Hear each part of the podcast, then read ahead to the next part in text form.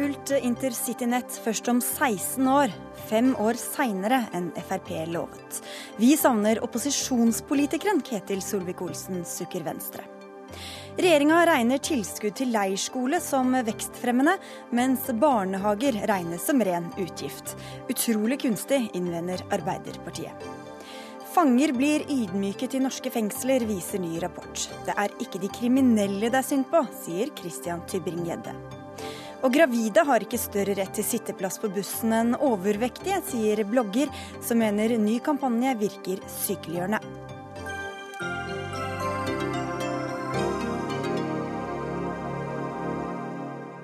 Dette er noen av sakene i dagens utgave av Dagsnytt 18 på NRK P2 og NRK2. I studio Sigrid Solund.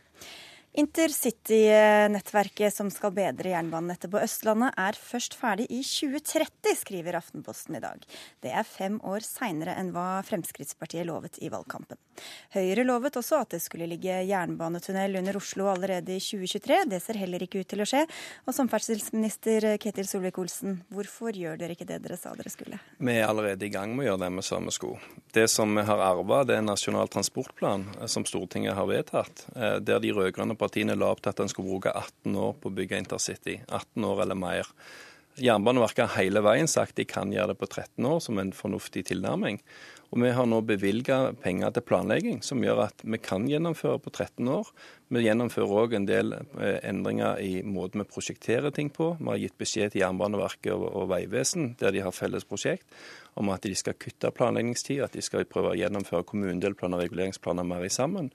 Vi har også økt Men når blir det stående ferdig, da? Nei, det kan ikke jeg uten Altså, skal vi få dette på plass innen 2027, f.eks., som Jernbaneverket sier nå, så må vi sørge for at vi får en del nye vedtak, bl.a. i Stortinget og sånn.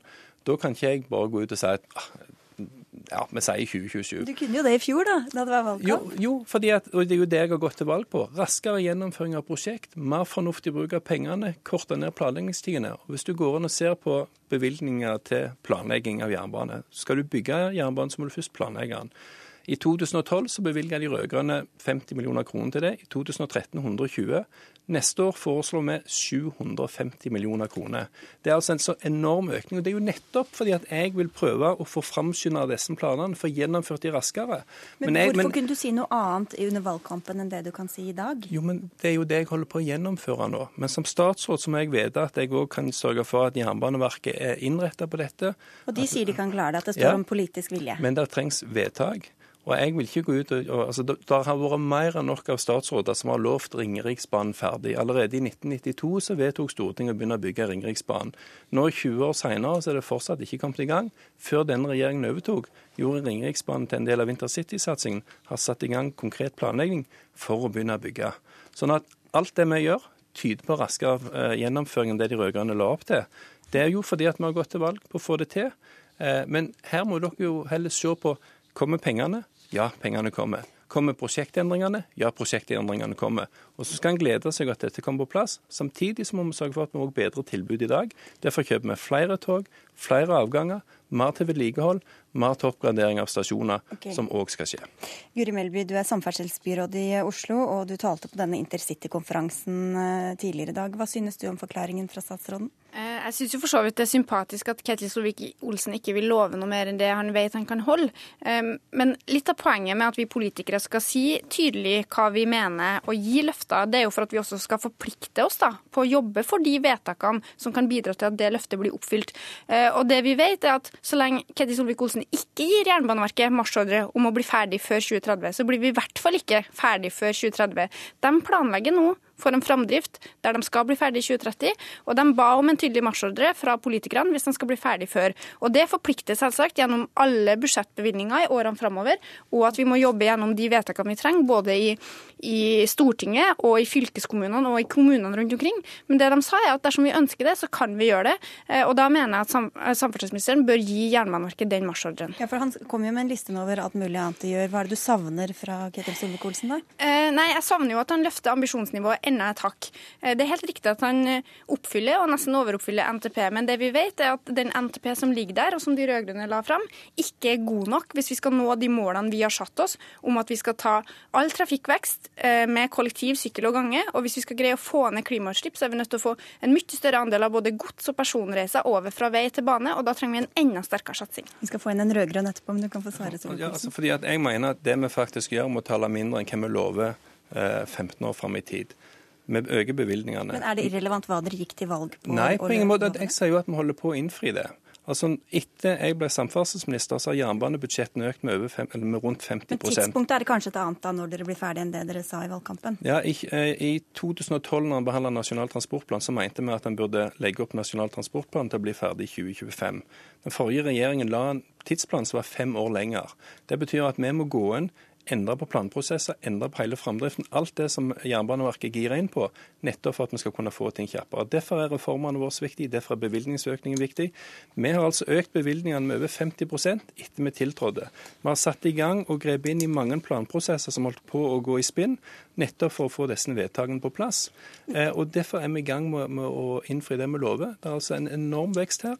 Eh, og Derfor tror jeg òg at når vi kommer litt lenger ned veien, så kan vi komme ut med mer forpliktende vedtak. Men jeg kan ikke i media gå ut og styre Jernbaneverket. Jeg må styre Jernbaneverket gjennom brev Eh, styringssignal som kommer den offisielle veien, ikke gjennom radiodebatter. Jeg må bare si at Mye av den økninga som Ketil Solvik-Olsen skryter av på jernbanen, den er der. Men den er også der mye fordi at Venstre har krangla det gjennom i forhandlinger med regjeringa. Så det hadde vært litt fint om man neste gang kan legge det inn fra starten av, så kan Venstre få lov til å konsentrere seg om andre ting. Vi har ennå ikke forhandla om budsjettet for 2015, og der ligger det inne altså en rekordhøy vekst. Der ligger inne 26% økning i vedlikehold. Og så vet jeg òg at Venstre er ivrig Ja, og det er veldig bra. Etterslepet på vedlikehold med over 200 millioner over til det etterslepet, for dere får skylda her, Erin Sund. Du er talsperson fra Arbeiderpartiet. Jo, I mange mange tiår så har jernbanen blitt nedprioritert, og det er det ikke tvil om. Og jeg er veldig glad for at vi, når vi hadde regjering, klarte å femdoble bevilgningene til jernbane. Så er det sånn at det var ikke nok langt derifra. Men så er det sånn at den jernbane, den NTP-en NTP-en som ligger nå, den står jeg bak. Ja, Nasjonal transportplan. Og jeg står òg bak at ja, vi sa at intercity skulle bli ferdig i 2030. For vi hadde ikke mer penger før det. Men det som overrasker meg, det er at den NTP-en som uh, statsråden i all hovedsak styrer etter, det er vår NTP. Og han sa, ikke bare i valgkampen, men i alle år før det, at de skulle gjøre noe helt annet enn det vi gjorde. Så du er skuffet over at de fører deres politikk? Nei, jeg er ikke skuffet over at de fører vår politikk, men jeg tenker at eh, hvis du på en måte ønsker å gjøre noe annet, så må du vise at du kan gjøre det. Og når det gjelder dette med, med at en ikke kan framskynde altså Statsråden lovte i valgkampen at de skulle få intercity på plass i 2025. Nå sier Jernbaneverket at de kan klare det i 2027.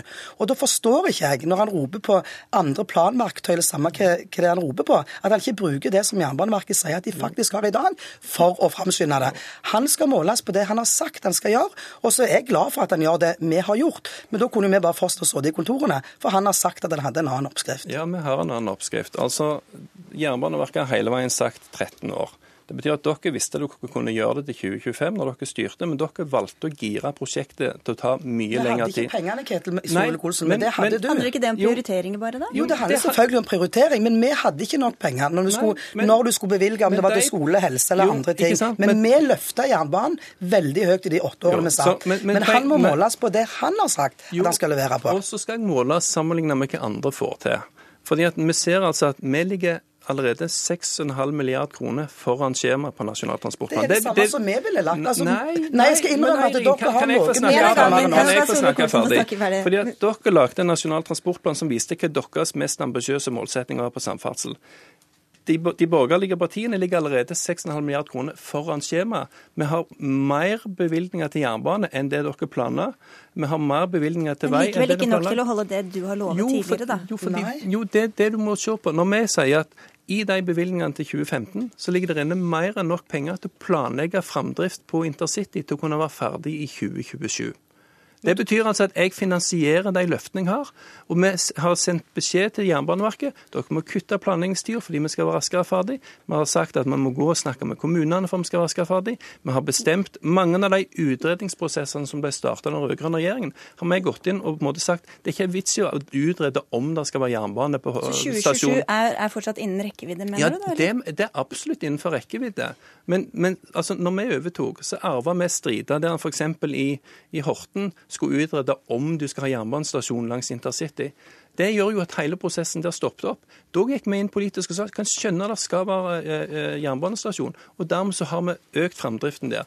Det er jo gjennom alt det vi gjør, økte bevilgninger som Eirin sier de ikke hadde penger til, som vi fant penger til. Men jeg må si til statsråden altså, Jeg står inne for de lovnadene vi har gjort. Men det statsråden lovte Dere lovte veldig lite, da? eller? Vi lovte det som vi visste at vi kunne levere på. Og det må ikke være noe bombe at vi faktisk leverer på vårt eget budsjett, altså i forhold til den nasjonale uh, transportplanen som ligger der. Men poenget er at Ketil Sove-Olsen lovte 45 nye milliarder oppå dette hvert eneste år. Og så leverer han 5 milliarder i istedenfor.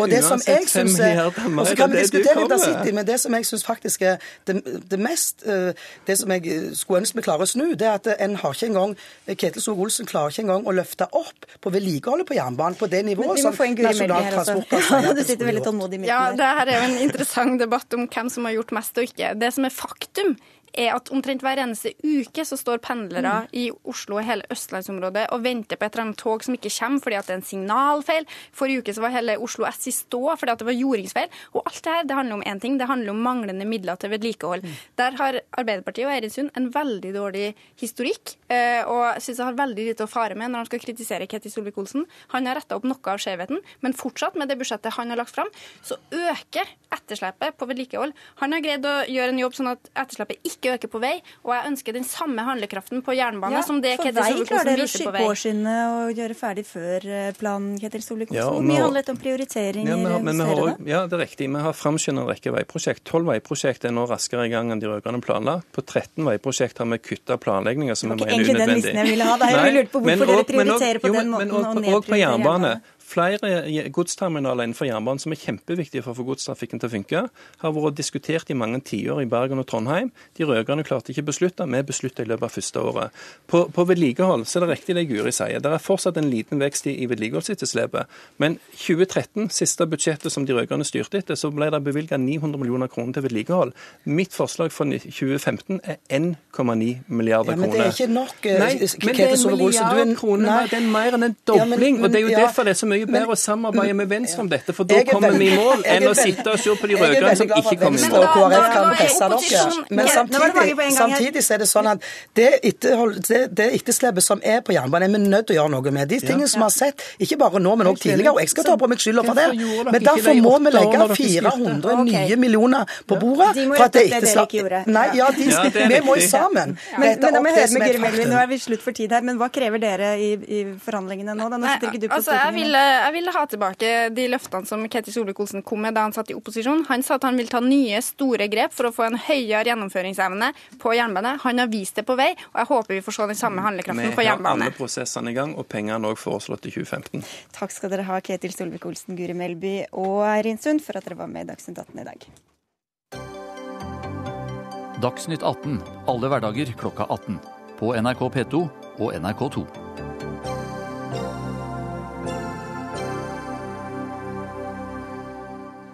Oss til budsjettet, kan politikere vite at eh, visse økonomiske tilskudd gir økonomisk vekst.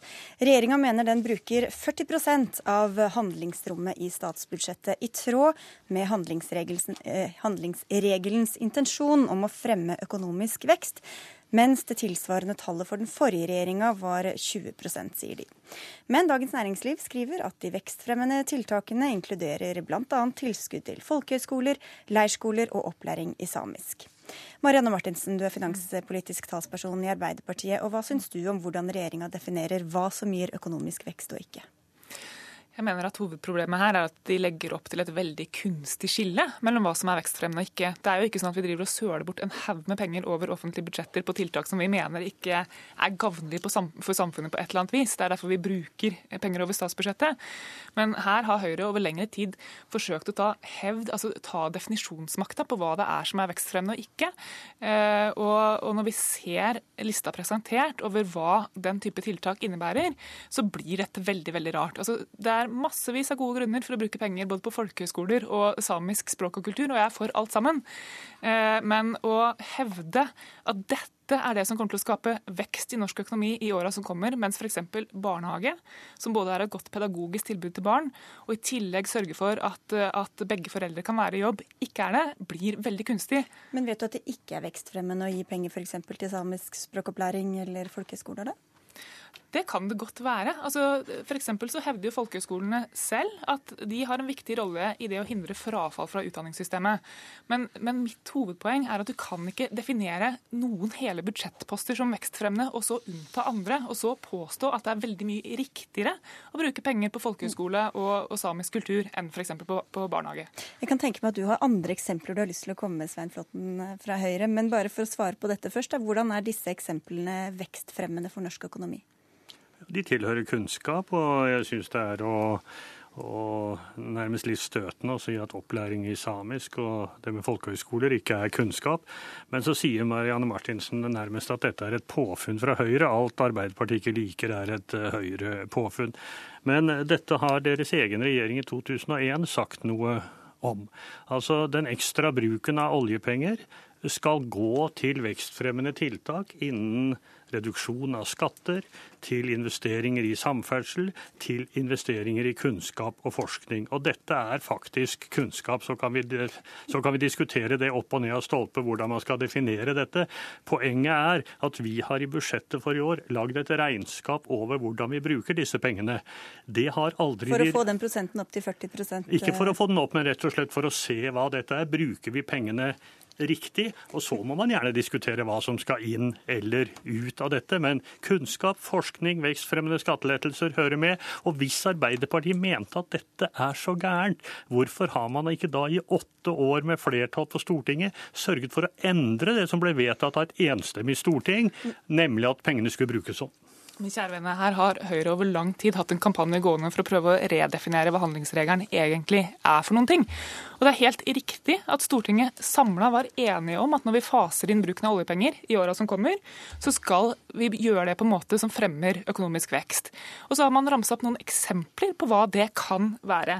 Men det er jo ikke sånn at Stortinget i 2001 låste seg til at man bare kan bruke penger på forskning, samferdsel og skattekutt. Det ville vært en ganske idiotisk måte for Stortinget Hvis dere hadde laget den samme liste over deres budsjett, så kunne dere også sagt at 40% av handlingsrommet brukes på vekstfremmende tiltak? Ja, altså det meste, som jeg sa innledningsvis her, det meste av pengebruken som, som, vi bruker over statsbudsjettet, bruker vi jo fordi at vi mener at det er eh, fornuftig. Og det som skjer nå, det er jo at Høyre beveger seg i retning av Fremskrittspartiet når det gjelder å fortolke hva handlingsregelen dreier seg om. At det er ikke så farlig hvor mye penger du bruker, fordi at vi innretter pengebruken på en annen måte. Og da er man ute på en glideflukt som vi liker veldig dårlig. Hele poenget med handlingsregelen er jo å tvinge oss selv til å prioritere. Og ved å si at, at det Høyre har bestemt er vekstfremmende, nærmest unntas prioritering, det liker vi dårlig. Og vi ser jo at, at de går rett i oljefondet i oljefondet. Nå har de gjort det ved samtlige fire korsveier siden de overtok, for å finansiere det de definerer som vekstfremmende, bl.a. disse skattekuttene til de som har mye fra før. Og Det er vel noe dere tidligere har advart mot når Fremskrittspartiet har kommet med jo, men Glideflukten i bruken av penger er jo nettopp Arbeiderpartiet som nå foretar. Marianne Martinsen vil det er hun som vil redefinere dette. Vi står på det som et samlet storting bestemte seg for i 2001. Det er ikke blitt antikvarisk siden. Men, men for å spørre, hvorfor er ikke barnehage regnet som kunnskap og dermed vekstfremmende, da? Barnehager har ikke vært inne men det er faktisk sagt i budsjettet at man må gjerne diskutere hva som skal inn. Og selv om Marianne Martinsen vil ta vekk samisk, hvis hun vil ha inn barnehage så ha, Jo da, det høres sånn ut på deg og det. Nei, jeg, så er det et sånn klart skille mellom hva som er vekstfremmende og ikke? Man vil allikevel ha et problem med å komme opp på de prosentene vi har. Og det er én en eneste grunn til det. Arbeiderpartiet vil ikke gi skattelettelser til noen grupper. De vil ha vekk skattelettelser. Jeg mener at bestemmelsen fra 2001 står står klinkende klar. Det er ikke mulig å definere seg veldig ut fra det. Pengene er blitt brukt til å smøre tynt utover offentlig forbruk. Det prøver vi å gjøre på en annen måte, som kan fremme veksten i Norge. Det kommer ikke Marianne Martinsen utenom. Altså, I alle år mens vi satt i regjering, bortsett fra det ene året hvor vi la fram et finanskrisebudsjett, så var veksten i offentlige utgifter lavere enn den økonomiske veksten i samfunnet. Neste år så blir situasjonen for første gang siden finanskrisa en annen. Det er høyere vekst i offentlige utgifter enn det vi kommer til å ha eh, økonomisk, økonomisk vekst. Og så er, grunnen til at Svein Flåtten og jeg er medlem av forskjellige partier, er jo fordi at vi mener at ulik pengebruk har ulik effekt. Og jeg mener at det er ganske åpenbart at når de bruker to milliarder kroner på å kutte formuesskatten, så ville det vært langt mer vekstfremmende og brukt bare en tidel av den summen på f.eks. innføre to barnehageopptak. som Hvordan gjør at... vet du det da? Hvordan vet dere hva som er vekstfremmende, og ikke både av bruk av penger og skattekutt? Nei, Nå så vi jo 20 av Norges fremste økonomer i helgen som ble forelagt skatteopplegget til regjeringa, og som gir det totalslakt. Det er ikke noe annet ord å bruke om det. Fordi at, fordi at den vekstfremmende effekten av å gi skattekutt til noen av de som har mest i Norge fra før, er ganske tvilsom. Mens vi vet at barnehager setter foreldre i stand til å jobbe. De har skrinlagt to barnehageopptak som ville gjort overgang overgang til arbeidslivet veldig mye enklere for mange tusen mennesker. Hvordan vet dere? Jeg oppfattet ikke det som noe slakt i det hele tatt, det som sto i VG. Noen av Norges fremste økonomer mente at det var uheldig å at man har formuesskatten. Andre som ble spurt, omgikk spørsmålet ved å svare ut fra et fordelingspolitisk syn. Men Hvilke syn. erfaringer, hvilke, hvilke, faktisk kunnskap har man om at disse skattekuttene gir økonomisk vekst? Man har den faktiske kunnskapen at det finnes milliarder av kroner i norsk privat eierskap og i norsk næringsliv. Disse menneskene, alt fra NHO til Bondelaget, sier at formuesskatten er uheldig. Men vil ikke alle ha mer til seg selv, for å stille et banalt spørsmål? Vener, jo, det er jo ikke en stor konspirasjon og sammensvergelse fra norsk næringsliv for å få mer i sin egen lomme. Det er jo for å skape nye arbeidsplasser som kan bidra til den velferden som også Marianne Martinsen vil ha. Og da sier næringslivet at det er uheldig at vi må ta ut penger av selskapet for å betale utbytteskatt når ikke vi tjener penger. Dere burde jo ha prioritert det da, istedenfor vekst i offentlige utgifter. Men dere går rett i oljefondet for, for å finansiere det. Bruker de for mye oljepenger da, mener du? Ja, vi mener at de, bruker, bruker, for mye. Vi bruker visst to milliarder for mye, ifølge det som er kommet fra Arbeiderpartiet, hvor de skal ha sitt ja, alternativ. Ja, Vi kommer til å legge oss to milliarder under i oljepengebruken. Jeg sier ikke at det er forskjell på himmel eller helvete for norsk sånn eksportretta industri. Nei, men det er en markering av at vi blir ikke med på den glideflukten hvor, hvor regjeringspartiene nå ved samtlige fire korsveier siden de tok over, har gått rett i oljefondet for å finansiere disse skattekuttene. Vi mener at det har svært begrensa vekstfremmende effekt. Og, og det er også ta fra framtidige organisasjoner. En rekke skattelettelser som da kommer til å trekke i annen retning. Dere skal ha offentlig forbruk i stedet for uh, skattelettelser er, som er vekstfremmende. Er og du kommer ikke du, fra at det sto i handlingsregelen opprinnelig, og fortsatt står det. Som eksempler, og det er du som kommer til å stemme for et budsjett som gjør at vi for første gang siden finanskrisa får høyere vekst i offentlige utgifter enn i økonomien for øvrig. Svein Flåtten og Marianne Martinsen, takk skal dere ha for at dere kom til Dagsnytt 18.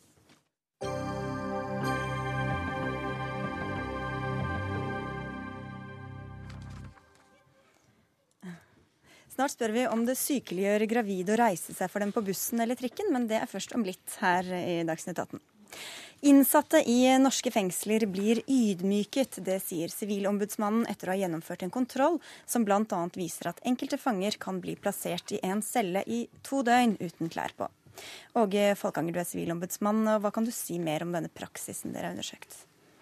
Ja, Først vil jeg si at vi har gjennomført en, en visitt på Tromsø fengsel hvor eh, vi fant at forholdene var gjennomgående gode, og at det var et veldrevet fengsel. At eh, det var et lyttende og velvillig eh, personale og ledelse som møtte oss der.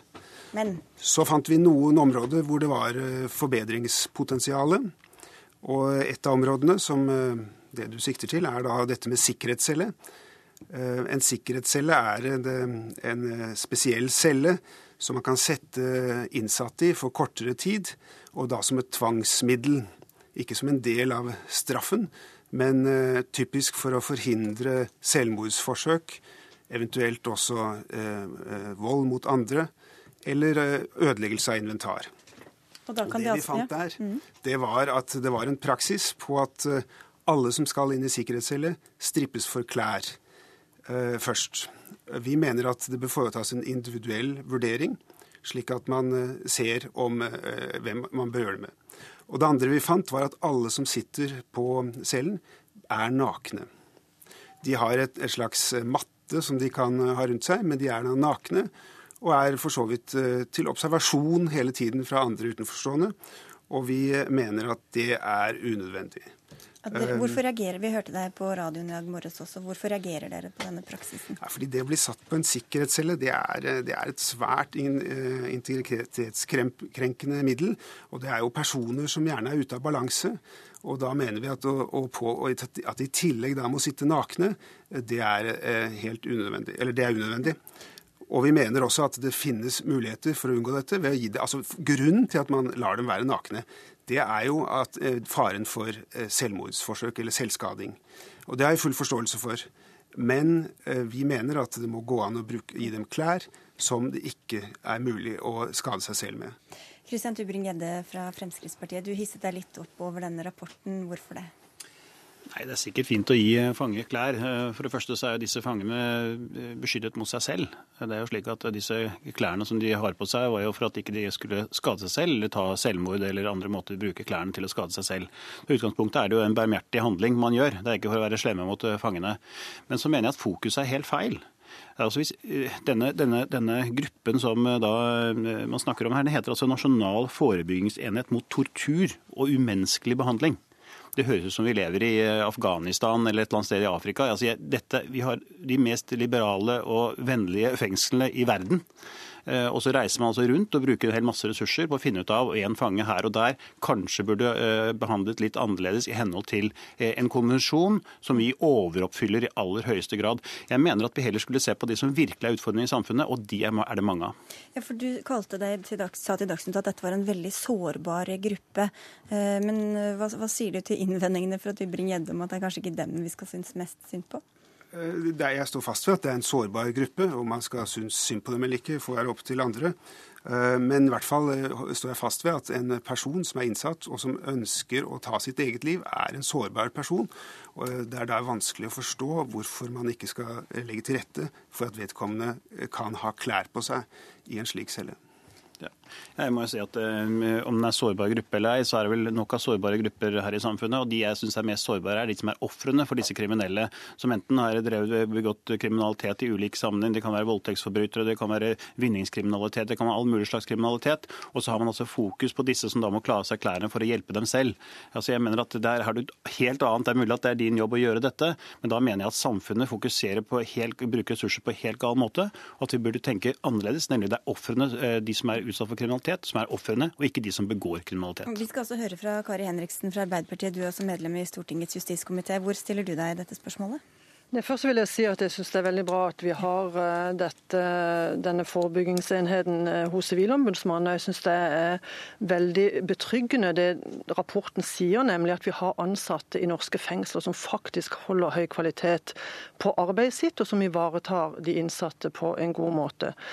Eh, I forhold til det, den debatten som Tybring-Gjedde forsøker å trekke opp her, med at eh, det er et motsetningsforhold mellom det å faktisk ivareta innsatte på en human og menneskerettslig måte, og det å drive offeromsorg, så tenker jeg at for Arbeiderpartiet er det to spor som vi kan kjøre parallelt. Det er ingen motsetning i dette, og det ene behøver ikke å bety at vi gjør det andre verre. Snarere tvert imot.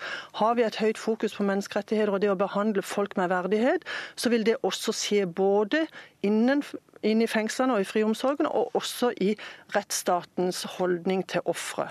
Hva er egentlig motsetningen mellom å ta, vise hensyn til både til ofrene og til gjerningsmannen i denne situasjonen? Det er slik at På alle sektorer i samfunnet så er vi nødt til å prioritere å tro at man kan gjøre alle ting på en gang og gjøre alle ting like mye med alle like mye ressurser. Det er tydelig at Arbeiderpartiet har disse pengene, men det har altså ikke Fremskrittspartiet. Vi er nødt til å prioritere, og da mener vi at ofrene bør prioriteres foran de som begår kriminalitet eh, mot ofrene.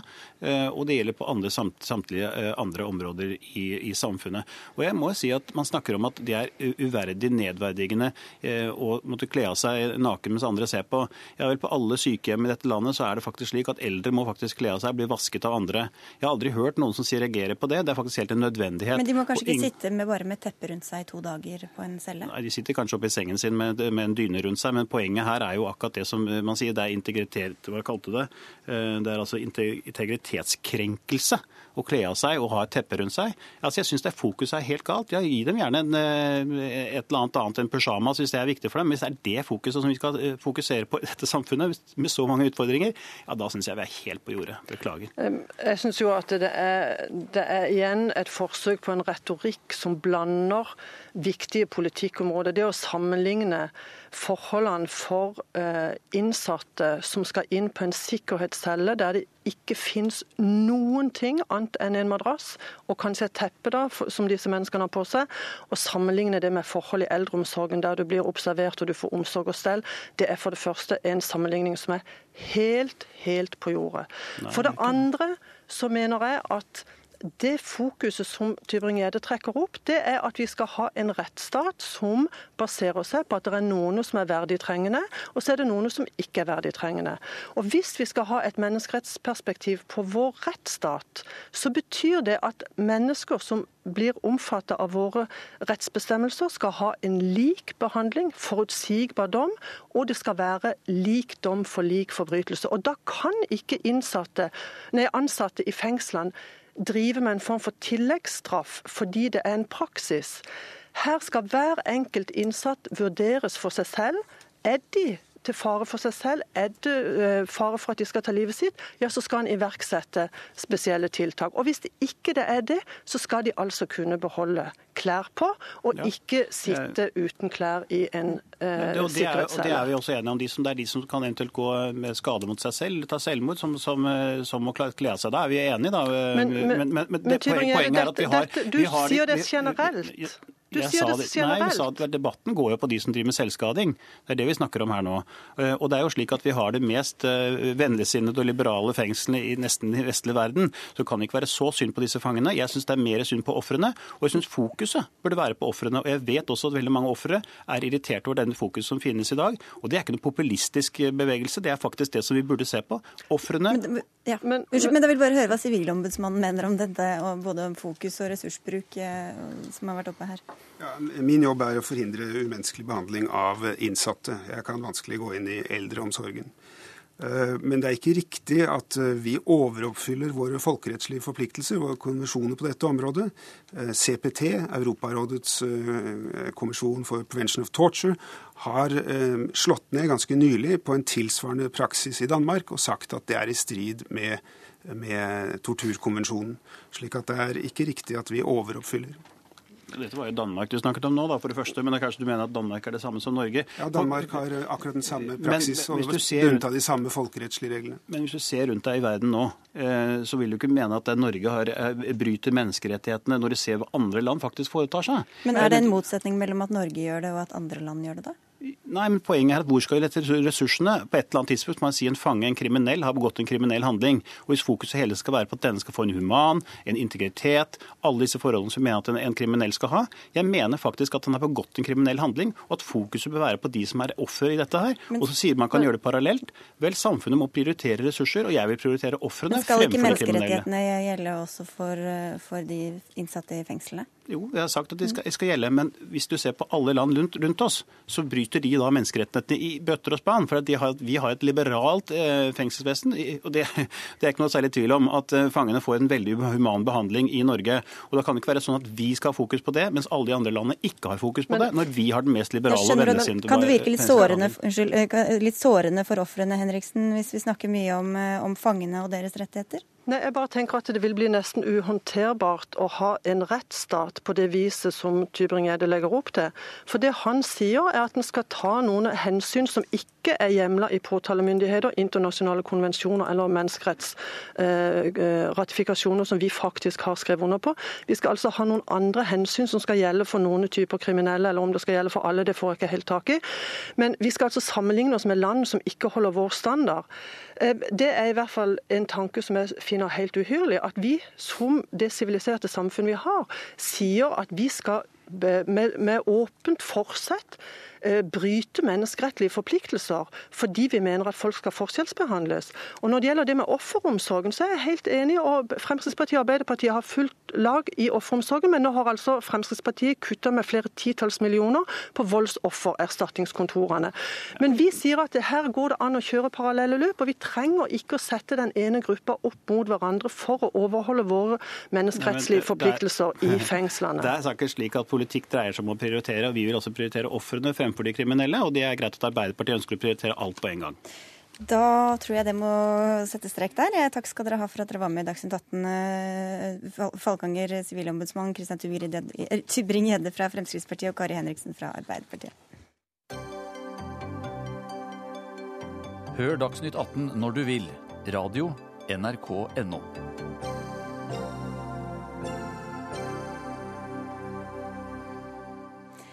Økninga i summen du kan handle moms- og tollfritt fra utlandet, kommer ikke til å gå særlig utover norske arbeidsplasser. Det sa Forbrukerrådets direktør Randi Flesland til Dagsrevyen før helga, som en kommentar til frykten for konsekvensene av at grensa heves fra 200 til 500 kroner.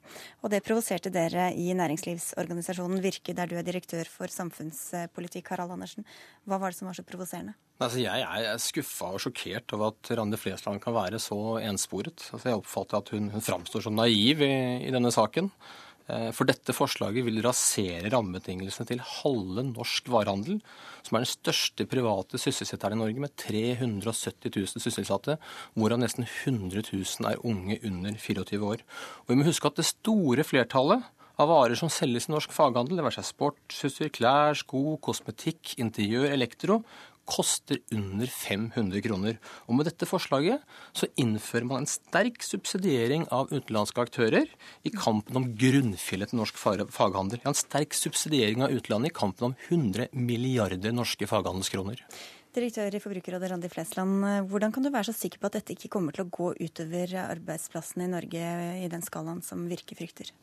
Ut fra et forbrukerperspektiv er jo dette en gladmelding, for dette betyr faktisk at norske forbrukere får tilgang til flere varer til en lavere pris.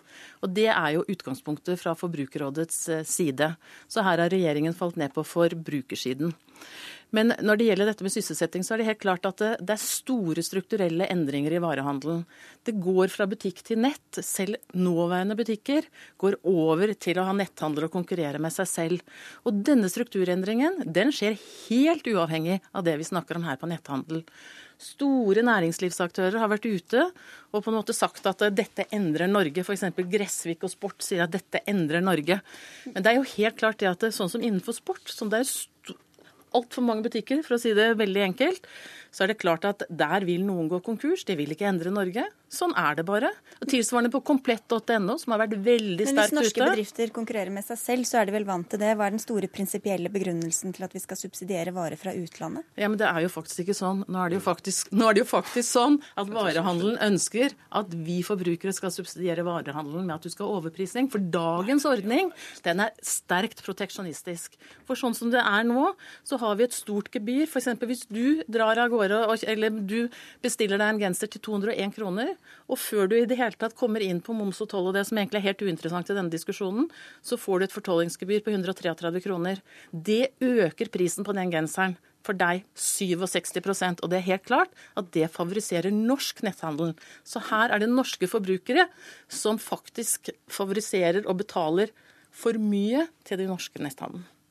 Altså, la meg si, Konkurransen i norsk varehandel er beintøff. Konkurransen fra netthandel er kjempetøff. Det er en konkurranse som norsk varehandel må lære å leve med, og den lever de med veldig godt. I betydningen norsk varehandel er verdensledende i omstillingsdyktighet og i produktivitetsvekst. Alt vi ber om, Randi Flesland, er konkurranse på like vilkår. Og jeg er helt enig med deg. Fortollings, dette fortollingsgebyret på 135 kroner, det unnskyld uttrykket, ligner ikke grisen. Det er det vi må gjøre noe med. Vi er helt enige vi, om at det skal bli lettere og billigere for forbrukerne å handle varer fra utenlandske nettbutikker. Men det er fortollingsgebyret vi må gjøre noe med. Og det mener vi at vi enkelt kan gjøre noe med uten å rasere rammebetingelsene for norsk, norsk, varehandel. Og I stedet for da å ensidig støtte regjeringen etter det råe, populistiske forslaget, så burde du heller vært interessert å sette deg ned sammen med oss, så vi sammen kan se på hvordan vi kan ivareta hensyn til det både forbruker, til eh, like konkurransevilkår for næringslivet og eh, myndighetenes hensyn. Sitter meg gjerne ned med det, men da må vi først ha like konkurransevilkår. Og da må den grensen heves til 400-500 kroner for at du skal like konkurransevilkår. Hvis du ikke betaler moms på det du kjøper fra utlandet, men betaler det i Norge, da? Men jeg som forbruker bryr meg jo ikke noe om hva jeg betaler, om det er moms eller fortollingsgebyr eller hva det er. Men hvis det er konkurransevilkårene vi snakker om? Ja, men sånn som det er nå, da. Hvis jeg kjøper denne genseren for 201 kroner, så får jeg jo 67% økning. Det er jo langt mer enn momsen. Hvis du kjøper den for 199 eller 499, da, som det blir, ja, da, da har du en liten der. Men det er klart at det er en mye mindre andel av denne netthandelen. Så sånn som det er nå, så favoriserer den norsk netthandel. Så du må doble den for at det skal være noe rettferdighet i dette. Og det som er veldig interessant, jeg har jo Forbrukerrådet, for jeg vil si, har sjelden sett en sånn massiv eh, lobbyvirksomhet fra næringslivet på en sak som dette her. Så dette må bety ganske mye profitt, og det er jo veldig interessant, for det viser at vi forbrukere betaler en altfor høy pris på det vi handler. Det er jo ikke noe rart at du ser en massiv lobbyvirksomhet fra, fra næringslivet i denne saken, fordi næringslivet er sjokkert. Som jeg sier, norsk varehandel er verdensledende i omstillingsdyktighet og produktivitetsvekst. Men da er det ikke noe problem, det, de har de, det har de fått til uten spesielle subsidier eller særordninger. Alt norsk varehandel ber om, det er konkurranse på like da vilkår. det ikke noe Og det jeg hører da da at Forbrukerrådet virker er enige om, det er at det er problemet her er faktisk ikke moms og toll, det er dette fortollingsgebyret. Og at da må vi er kunne- så da, høye. Da må vi, nei, pris, pri, Og da må norske høy- forbrukere få lov bor, lov å til å bor i verdens beste land, i andre fleste Ja. Da må vi også ak- akseptere at kostnadsnivået er høyt. Men jeg vil anmode om at du og jeg setter oss ned sammen og ser om vi kan finne en løsning som ivaretar hensyn til både forbruker, til næringslivet og Det næringslivet skal vi gjerne sette oss ned, men nå forventer jeg at regjeringen faktisk gjennomfører det de har lovet forbrukerne. Og da håper jeg at både Venstre og Kristelig eh, Folkeparti også gjør det.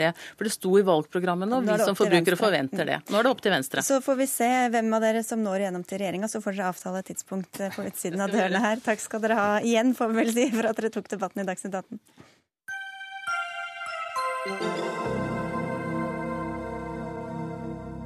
Det går mot slutten for norsk selfangst, skal vi tro Senterpartiet. For i forslaget til statsbudsjett vil regjeringa fjerne subsidiene til selfangstnæringa.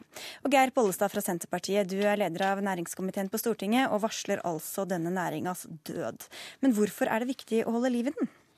Nei, Selnæringa er en historisk viktig næring eh, for Norge. Det handler om at eh, vi høster av eh, naturen. Vi nytter oss av de ressursene som vi har.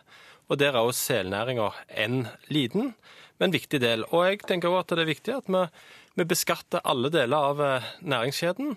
eh, For å sørge for at vi har kontroll med bestanden av eh, sel i, i havet. Og Det er derfor jeg reagerer når regjeringa brått i budsjettet bare kutter all støtte til næringa. Da mener jeg at regjeringa har gitt etter for de eh, pressgruppene som ønsker å avvikle norsk eh, selfangst. Men den drives altså med 80% subsidier. Hvor lenge er det da riktig å holde liv i en næring? Næringa driver med et høyt eh, subsidienivå. Det kommer jo også delvis også av at det har vært ubegrunna reaksjoner fra utlandet og tiltak mot omsetning av selprodukt. Og da tenker jeg at når næringa opplever det, så er det viktig at storsamfunnet støtter opp. Vi mener jo at på sikt så må en omstille seg og kunne leve med et lavere eh, overføringsnivå. Men eh, per nå så er vi iallfall mot eh, å avvikle næringa. Det var jo et samla storting når en behandla sjøpattedyrmeldingen i 2010. Amund Rønn Ringdal, du er statssekretær i Nærings- og fiskeridepartementet. Hvorfor vil dere fjerne denne støtten? Vi mener at eh, det er eh, på tide å, eh, å gjøre noen grep for denne næringen. Vi har valgt å gjøre endringer for inneværende år med å eh, gjøre om på den støtten som har vært. Eh, Men eh, fra neste år så har vi valgt å ta bort eh, hele selstøtten. Og eh, vi er klar over at det er en krevende markedssituasjon for, eh, for eh, selnæringen, men det har vi òg for eh, hvalfangstnæringen, som eh, er subsidiefri til, eh, til sammenligning. Men hva Eh, tenker du med at dere kanskje tar livet av en hel næring eh, som har lange røtter i Norge, da?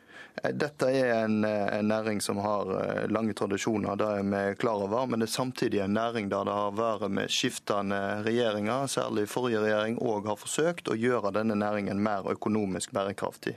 Det har eh, ikke lykkes. Og når vi har gjort denne beslutningen, så var det viktig å se om det relativt beskjedne seluttaket som var i norske farvann, om det hadde en bestandsregulerende effekt. Og det hadde det ikke. Derfor mener vi at det var riktig å prioritere disse midlene som i dag har gått til subsidier, over på forskning og utvikling av mer fremtidsretta deler av norsk eh, marinnæring. Helt kort, Pollestad, du sa at regjeringa gir etter for press i denne saken. Hva mener du med det? Nei, Det har jo vært en stor eh, aksjon mot eh, norsk selfangst. Nå bøyer en av. Og det er verdt å merke seg at når en behandla stortingsmeldinga om sel- og hvalfangst i 2010, så fikk jo den daværende regjeringa sterk kritikk fra Høyre for å ikke sørge for god forutsigbarhet for næringa. Og når, når en også sier her at en ikke har bestandsregulerende effekt, ja, så er jo ikke løsningen å ta ut mindre sel. Da er jo det å ta ut det antall sel som en eh, tilrår at en kan ta, og de kvotene som er fastsatt. Da må en satse på mer og ikke mindre. Det har også vært eh, stort press, eller i hvert fall eh, høyt aktivitetsnivå fra dyrevernsbeskyttelsen og dyrevernsorganisasjonen NOAH, der du er leder, Siri Martinsen. Hvordan har dere prøvd å påvirke regjeringa i denne saken? Ja, altså Først vil jeg si at eh, arbeidet mot selfangst, som NOAH har vært involvert i, har selvfølgelig pågått over mange år.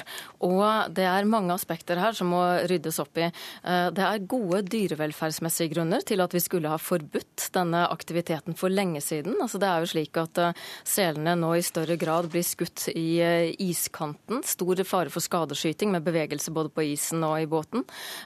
Og så blir de hektet opp i båten med en metallkrok før de da er bekreftet døde.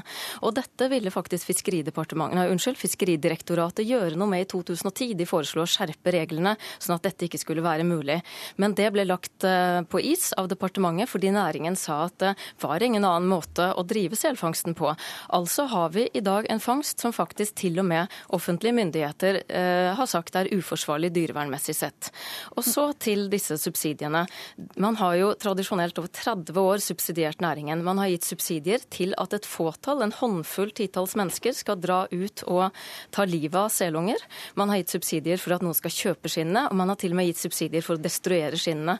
Så hvis denne regjeringen ønsker noe som helst troverdighet på at de kutter unødige subsidier, så er dette den subsidien som virkelig bør stå for fall. Og jeg er selvfølgelig glad for at de gjør det. Det er opprettholdt? Nei, det er... Uh, ja, altså Selfangstsubsidien uh, er en av de mest meningsløse ja, og uetiske. Og derfor så er det helt korrekt at regjeringen eh, gjør det. Vi skal høre, altså Pollestad, Du mente også at eh, regjeringa hadde blitt presset av ekstreme dyrevernere. Er det dette du mener da, eller?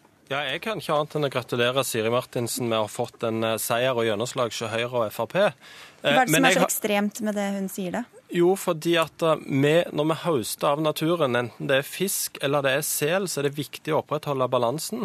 Ja, det er, og en må gjøre det på en mest mulig skånsom eh, måte. Men det ser ikke bra ut når en tar livet av sel. Det forstår jo jeg òg. Her er det to Nå må ting som har blitt snakke her. Må jeg det? det eller programleder? Ja, kan få fullføre setningen. Ja, det, det, ser ikke, ikke vakkert ut. Det er ikke lørdagsunderholdning å se på selfangst. Men til alle tider har mennesker høsta av naturen. Og jeg opplever nå at noe har fått fullt gjennomslag hos Høyre og Frp, men jeg tror det kan bli endringer på dette ja, det, når Stortinget får saken til behandling. Nettopp. Da har jeg fått ordet her. og Først vil jeg jo si at det er jo ikke bare hvordan det ser ut som er viktig, det er hvordan det oppleves av dyrene. Og dette oppleves heller ikke spesielt godt eh, for dyrene, det kan jeg eh, si. Så er det de to tingene som du tar frem her. Du sier eh, ressursforvaltning. Nå er det faktisk slik at eh, det du har sagt i media om at eh, dette på en eller annen måte skulle være nødvendig for miljøet å fange sel, det er faktisk direkte feil. Tvert imot så har Havforskningsinstituttet nå advart om at grønlandsselen, som da er den eneste selen som er igjen å fange, eh, den kan også være truet i fremtiden av klimaendringer. De er jo avhengig av is, og når isen smelter, så går det faktisk sterkt utover disse dyrene. Vi burde ikke være opptatt av å få mindre av selene. Vi burde faktisk være opptatt av hvordan vi skal klare å beskytte dem når klimaendringene kommer. Så er det én ting som er viktig, og det Eh, ja, men det var, det var, også to ting. Og det andre det er hvorfor gjør vi dette?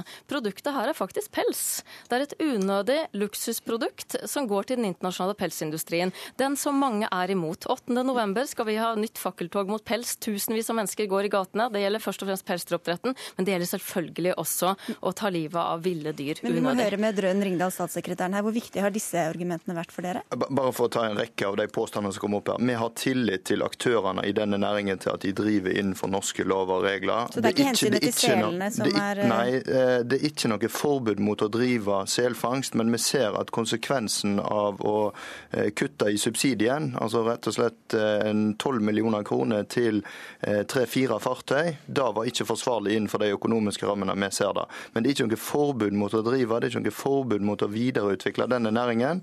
Og det er òg et bærekraftig høsting. Så det er ikke dyrevernhensynet som har, som har påvirket dere på noe vis her, da? På, på, ingen måte, vil jeg si. Og vi klarer i dag å høste omtrent halvparten av det som er den satte kvoten eh, av, av, selhøsting. Sånn at eh, dette er gjerne en næring som må få lov å klare seg på kommersielle vilkår som hvalfangst og annen type norsk eh, sjømatnæring eller norsk, eh, norsk næring. Men vi mener at det ikke er forsvarlig i et fremtidsperspektiv å bruke en 8-12 millioner kroner i subsidier til relativt få aktører. Det høres ut som du har overvurdert NOAs eh, påvirkning her, Pollestad? Ja, det, kan, det, håper jeg jo at jeg har gjort. Men eh, faktum er at eh, partiet Høyre, som etterlyste mer forutsigbarhet for næringa, de rykker nå vekk fra dette. Og jeg tror at det som er et gode for selbestanden, det er ikke at de er flest mulig når klimaendringene eh, kommer, men det er at vi sørger for en bærekraftig bestand av sel. Og der er vi godt inn forbi. Dette er ikke en utrydningstrua dyreart. Og Derfor mener jeg at en skal beskatte den, og det hadde jeg ønsket at Høyre og Fremskrittspartiet òg var med på. Slippe til Siri Martensen helt på tampen her. Det, det, er feilaktig. Det er ikke slik at det er for mange sel. Det er en myte vi nå bare må legge vekk, for den er for gammel. Og så vil jeg si at jeg er fullt klar over at det er eh, kyniske økonomiske hensyn som ligger bak at denne subsidien kuttes. Skulle ønske det også var dyrevernhensyn, men selvfølgelig er det viktig at regjeringen hører på de 64% av nordmenn som faktisk ikke ønsker å støtte dette med sine skattepenger. Da må vi sette strek. Tusen takk til alle tre for at dere var med i eh, denne mandagens Dagsnytt 18.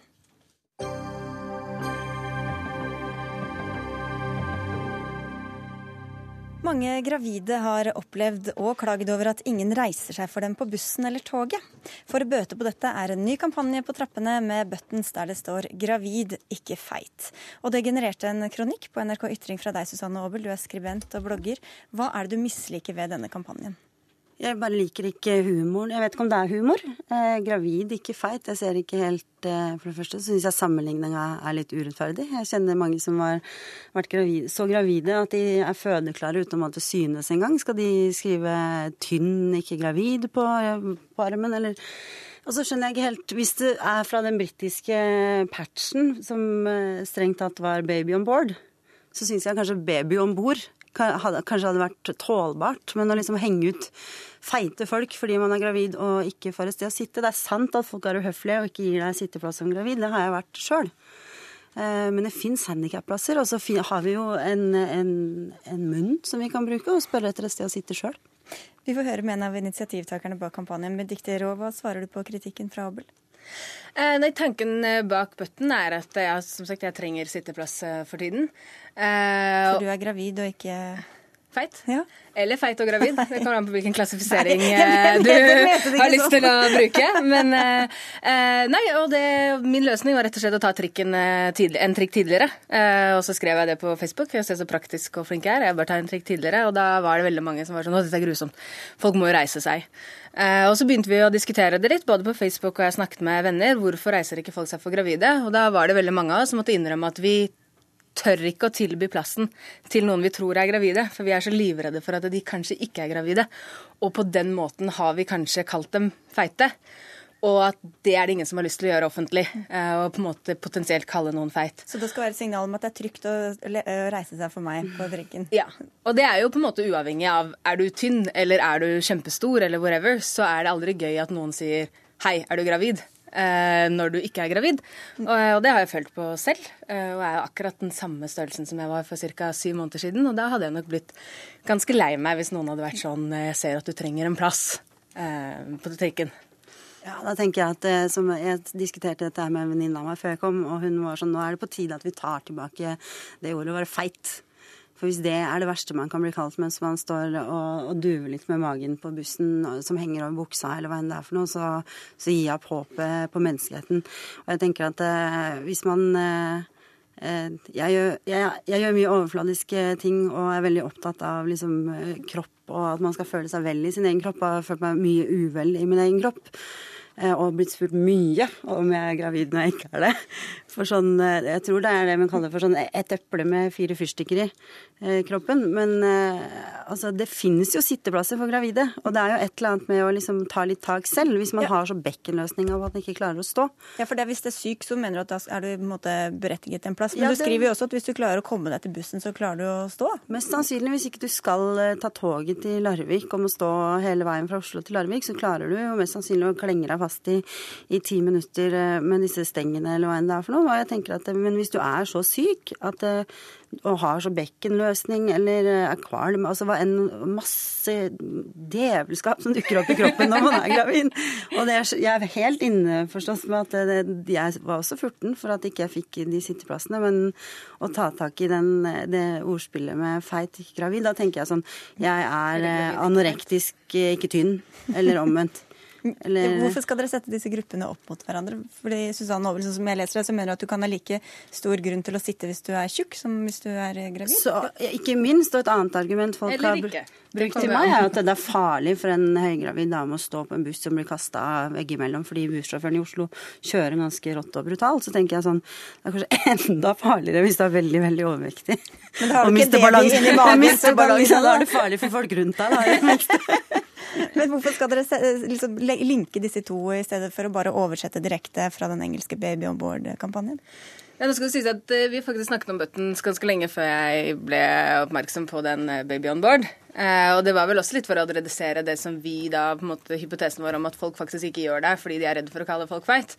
Eh, og det er også på en måte å ufarliggjøre litt det altså, Jeg personlig, som eh, har eh, også vært eh, de fleste størrelser, Jeg syns også at det blir veldig trist at bare fordi vi bruker Altså vi har satt ordet feit, så betyr det at vi setter gravide opp mot feite. Eh, det føler jeg ikke at vi gjør. Det er mer en sånn Hei, morsomt du får lov til å gi meg plassen. Jeg kommer ikke til å bli lei meg, for jeg er faktisk gravid. Men bidrar du til å sykeliggjøre eller se på gravide som svake grupper ved at man liksom automatisk skal få bli tilbudt en plass? Jeg tenker at Hvis man er gravid og i tipp topp form, så kan man jo si eh, nei, nei, tusen takk, eh, jeg trenger ikke plassen. Eh, men jeg vil jo tro at en ganske mye større andel av gravide enn resten av befolkningen som er på den bussen, vil trenge plassen. Og selv så hadde jeg ikke kommet meg rundt i byen for tiden hvis jeg ikke hadde kunnet sitte når jeg først er på bussen eller trikken. for det er på en måte begrenset hvor mange minutter jeg klarer å være i bevegelse. Men jeg klarer helt fint å gjøre jobben min så jeg sitter. Men hadde du ikke holdt med en gravid badge, da? Det kan godt hende at det hadde holdt. Jeg er gravid. Og vi kan også oversette Baby on board til baby. ja. Og det er jo veldig gøy, for nå er jo Kickstarter, som vi da bruker, åpnet i Norge. Så vi ser ikke noe synd på at man lager at du lager din egen kampanje? Nei, eh, jeg, ikke, jeg, hadde ikke noe behov for det da. Jeg tror ikke jeg kommer til å få det igjen. Men, men, skjønner du ikke at det kan være ubehagelig for folk å liksom si du, jeg er gravid, eller jeg er gammel, eller jeg er svak eller syk, jeg trenger en plass? At vi burde være litt mer oppmerksomme på det? Det har jo noe med liksom nestekjærlighet og høflighet å gjøre. Det er, vel, det er sant det, at veldig mange ikke tar hensyn til gravide og gamle. Og, eller folk som har brukket beinet, for den saks skyld. Man ser jo det veldig ofte. Og det er til og med vanskelig å si hvis du ser en 90 år gammel person eh, halte inn på, på, bussen, så kan det være at du fornærmer den personen også med å spørre om han eller hun vil sitte. Men det fins jo handikapplasser. Det fins et helt område, i hvert fall i Oslo-bussene. Ja, det er aldri sjelden man ser noen. Ellers er det barnevogner der. Jeg vil gjerne sitte på akkurat de plassene, for de er også litt nærmere døren, så da kommer jeg meg ut mens de er uh, åpne. Men, men, dere har ikke begynt med buttonsene ennå, eller? Nei, eh, det vi ber om er eh, penger til produksjon og design. Eh, så ja, hvis vi ender opp med 100% funding, som vi må ha for å utlyse pengene, så kommer vi til å kjøre en eh, designperiode og så en produksjonsperiode. Så det skal stå gravid med et bilde av en, en fin gravidmage istedenfor en gravid ikke feit. Men det er bare et forslag fra Men meg. Men du har, jeg skjønner vi er en del av eh, søknadsprosessen til pengene her. Men til slutt er Susanne Aabel, altså, du skrev denne kronikken. Hvilke kommentarer og tilbakemeldinger har du fått på den? Det skal jo sies at jeg tror Benedicte, da kan du gå og meske deg stort hvis du ikke har lest den allerede. fordi det var ikke mye, det var ikke mye ros å hente fra folkedypet på den eh, kommentaren.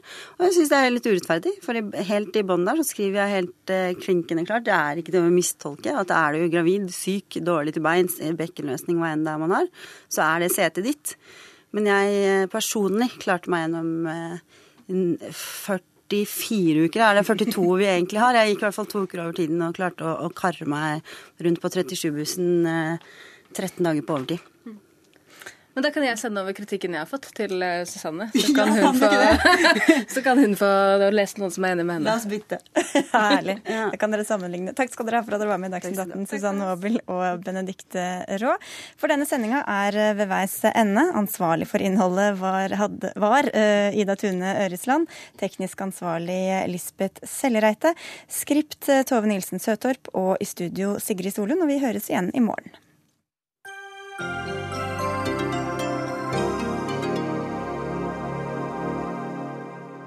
Hør flere podkaster på nrk.no podkast.